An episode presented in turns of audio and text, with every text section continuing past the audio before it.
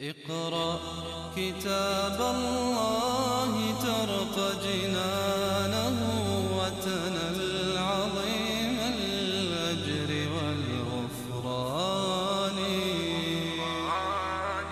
رتله روي القلب من نفحاته كالماء يروي لهفة العطشان هذه السورة الكريمة سورة الفتح. اسمها سورة الفتح.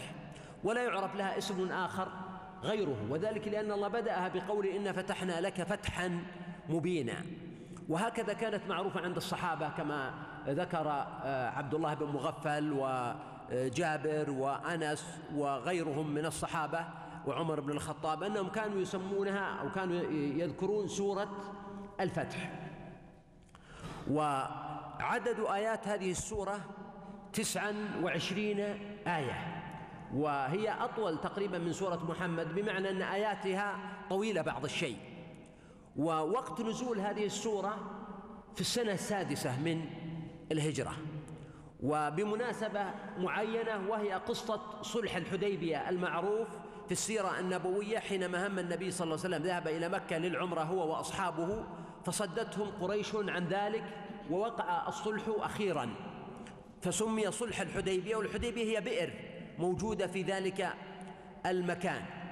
ونزولها دفعة واحدة أو في وقت واحد كما هو واضح جدا. يعني ربما يكون نزولها خلال يوم أو يومين في ذروة الأحداث المتلاحقة آنذاك. وقد نزلت في مكان أو جبل يقال له ضجنان. أو قريبا منه موقع آخر يقال له كراع الغميم. وهذه المواقع ربما معروفة بالنسبة لأهل الحجاز وأهل مكة. هي ما بين مكة والمدينة وهي أقرب إلى مكة. ولذلك السورة تسمى مدنية وهي مدنية فعلا عند جميع العلماء باعتبار تفسير المدني وهو ما نزل بعد هجرة النبي صلى الله عليه وسلم إلى المدينة.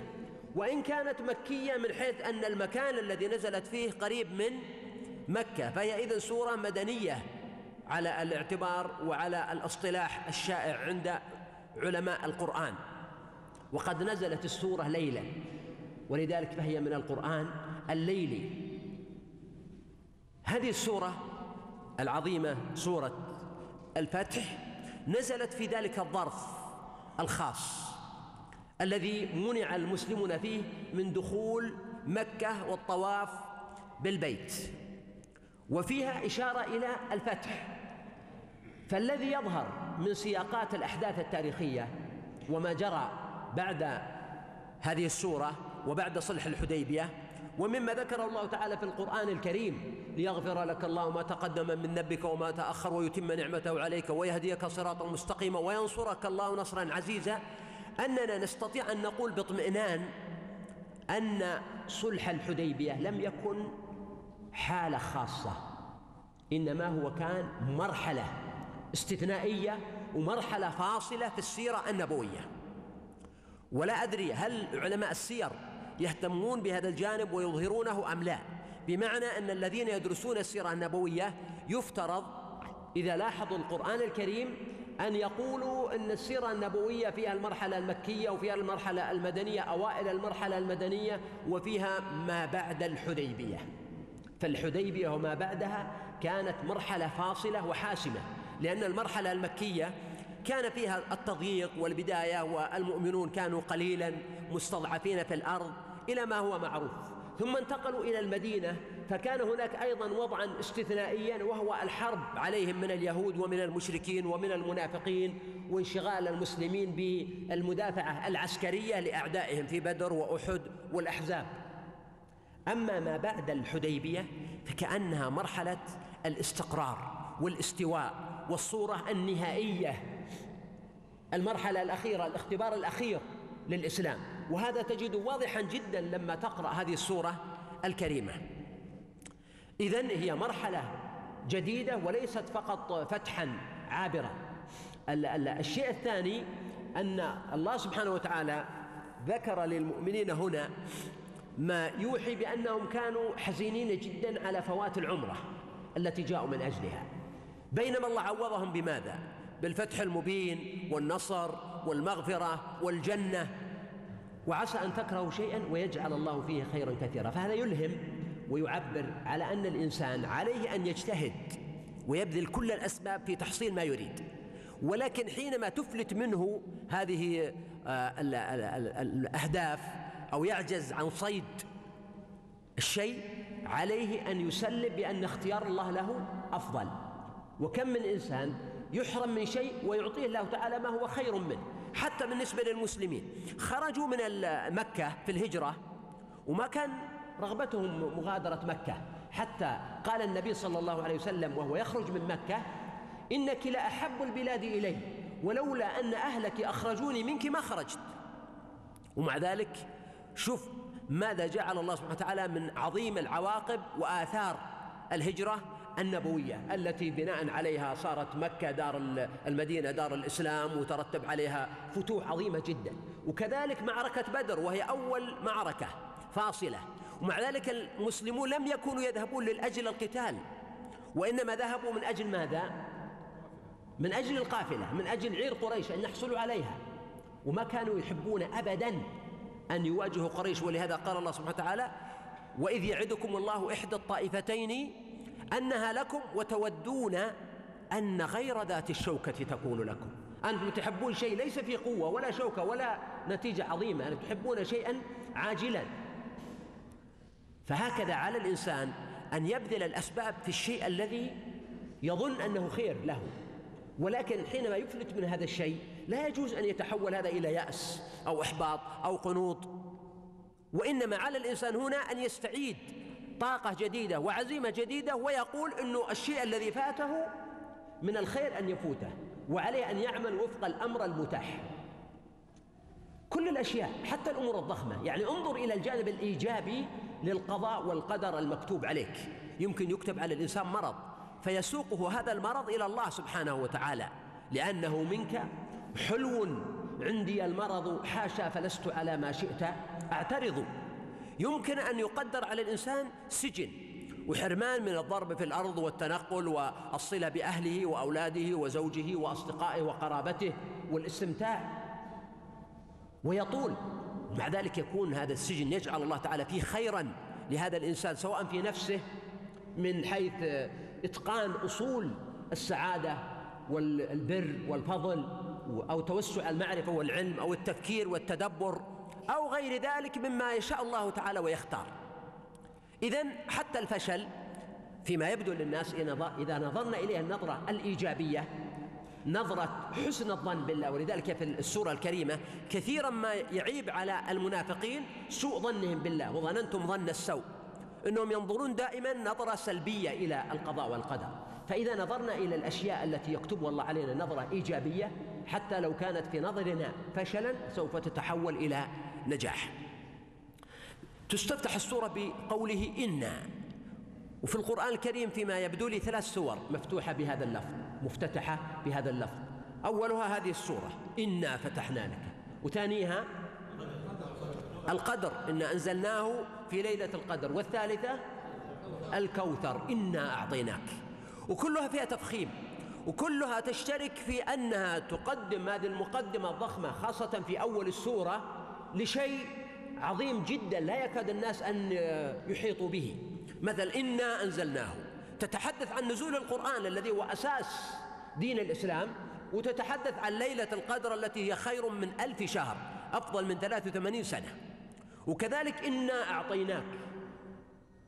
تتحدث عن عطاء الله للنبي صلى الله عليه وسلم الكوثر الذي يشمل كل خير بما يشمل النبوة والعلم وأتباعه من أمته عليه الصلاة والسلام ونهر في الجنة ومنزلة عظيمة فهو عطاء بغير حساب. فلما يقول إنا هذا إشارة إلى الله سبحانه وتعالى فهو المتكلم وعبر بلفظ. إن تعبيرا عن التعظيم والتفخيم وإن ليس دائما للجمع. قد يكون للجمع. إذا كنا جماعة نتكلم بلفظ إن وقد يكون للمفرد العظيم.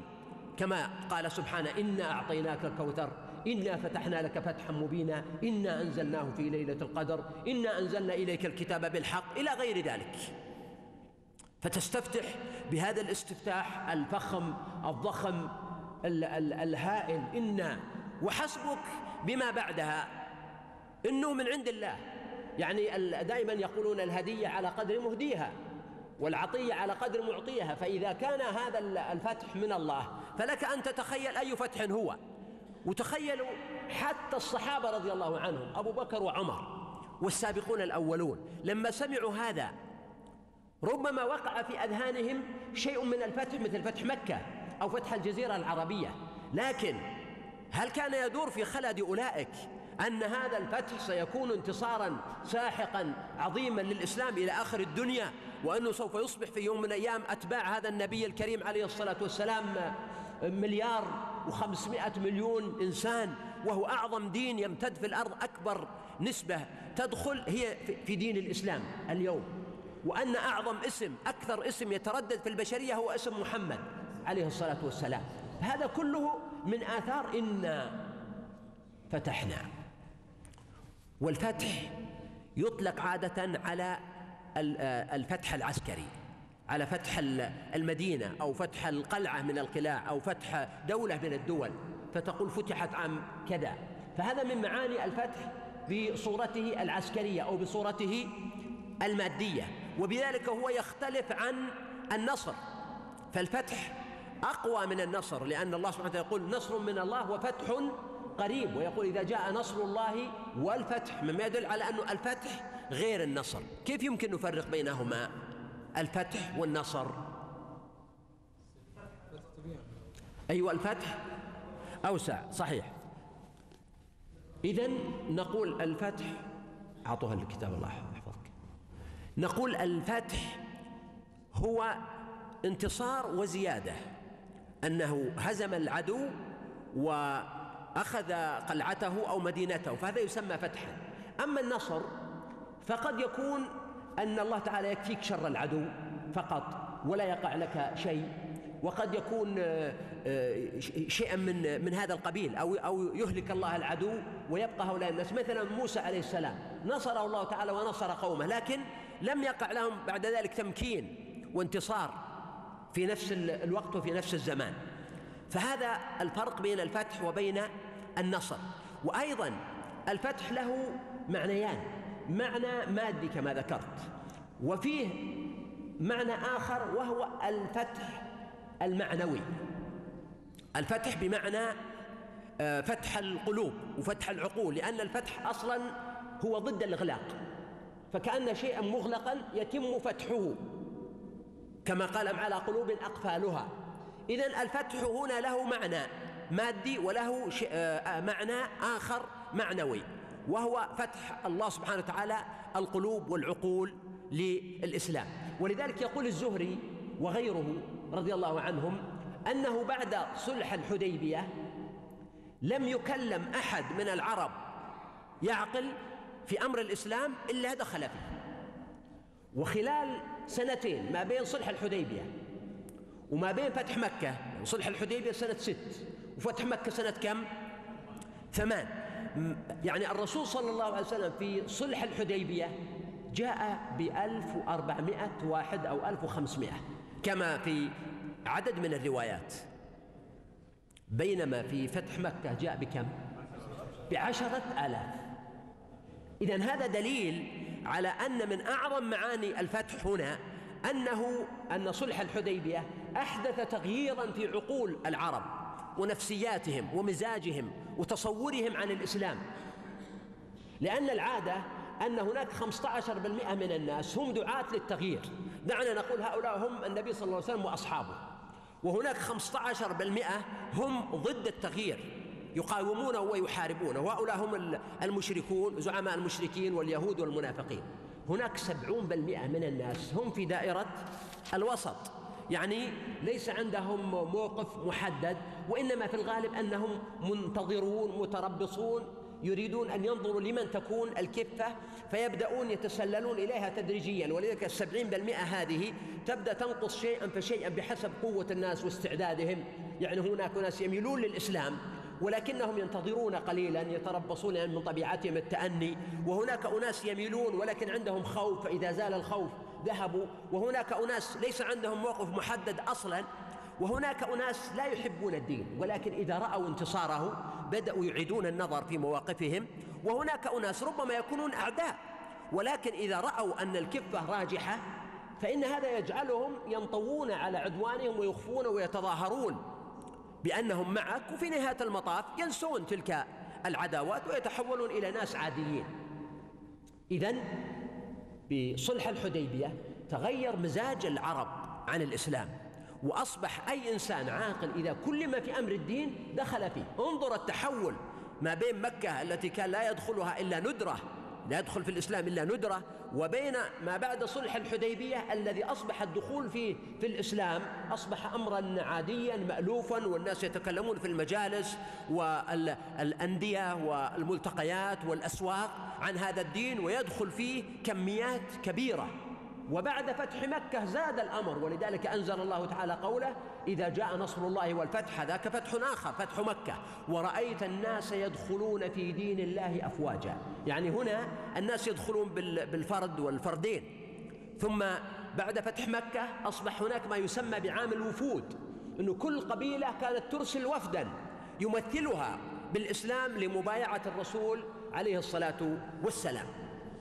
وهنا الفتح ليس المقصود فيه الجانب العسكري فحسب ولذلك الله تعالى قال إن فتحنا لك ولم يقل فتحنا لك مكة مثلا أو فتحنا لك خيبر أو فتحنا لك آه، الحديبية.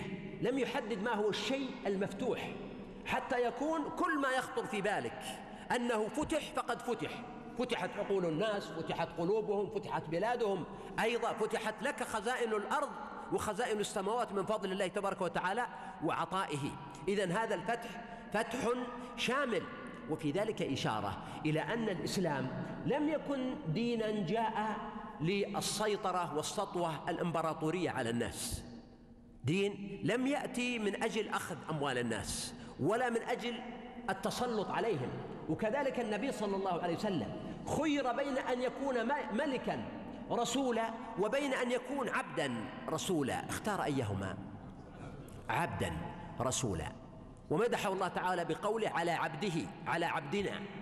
فالعبودية صفة ظاهرة له ولذلك لما دخل مكة دخلها مطاطئ الرأس والمغفر على رأسه وهو يقرأ هذه السورة الكريمة إن فتحنا لك فتحا مبينا. وأيد الله اجتهاده هنا أن النبي عليه الصلاة والسلام كان حريصا على تجنيب مكة بالذات الحرب وعلى أن تنتهي الأمور بهدوء وسلم وسكينة لأن القصد لم يكن إذلال أحد حتى ولو كان من علية قريش ولم يكن القصد الانتقام. انتبهوا لهذا المعنى أن والله الناس اللي آذوني وأخرجوني يا طريدا ملأ الدنيا اسمه وغدا لحنا على كل الشفاه وغدت سيرته أنشودة يتلقاها رواة عن رواه. لم يكن قصده أن ينتقم منهم أو ينزل بهم التنكيل. ولذلك لما فتح ما أقام مجازر ولا علقهم على أعواد المشانق وتركهم حتى الأموال التي أخذوها لم يسترجعها منهم.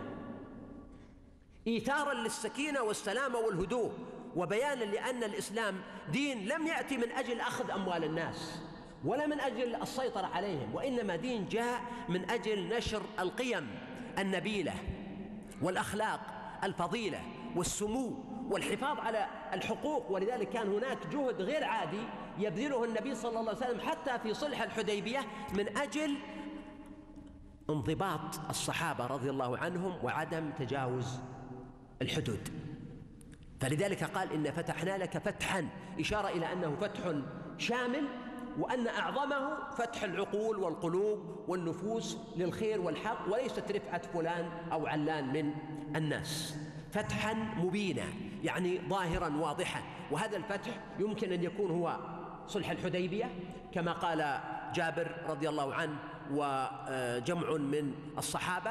ولما نزلت هذه الآية قال الصحابة يا رسول الله أو فتح هو؟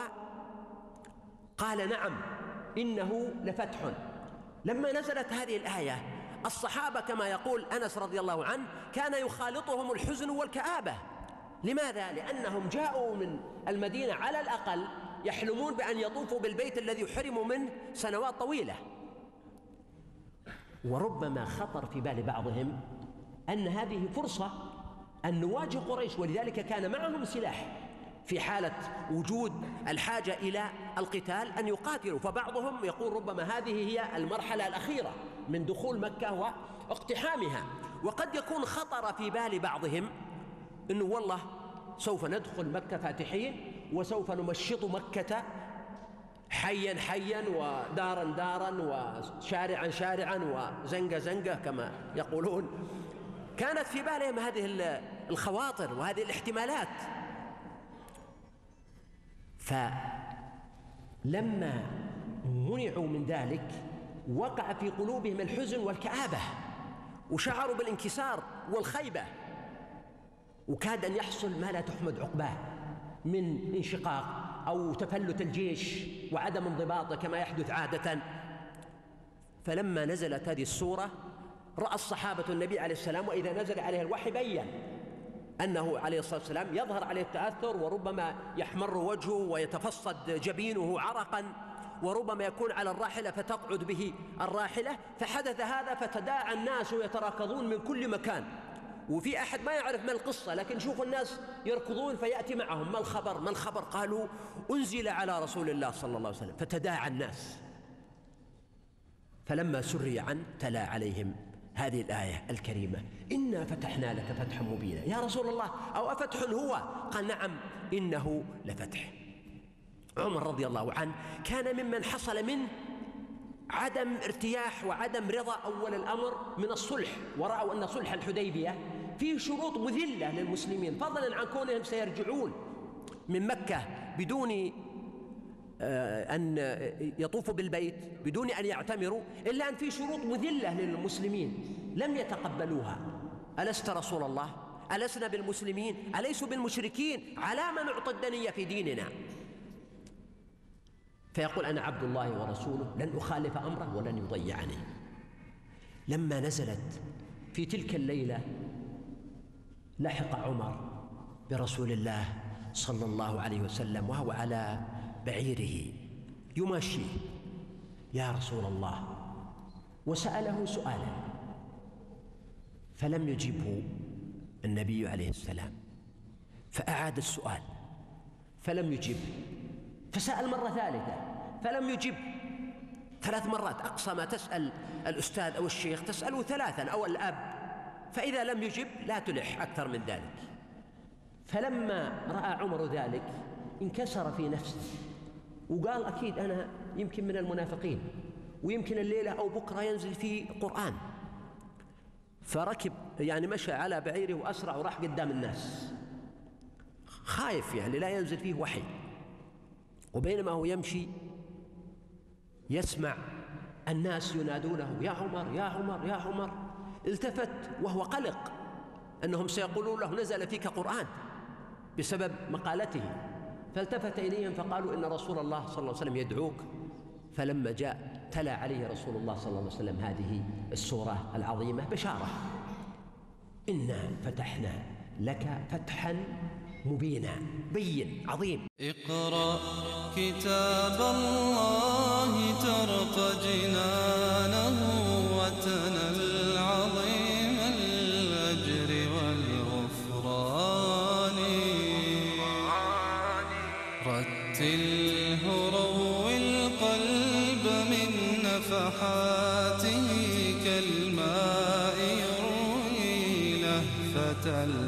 كالماء يروي لهفة العطشان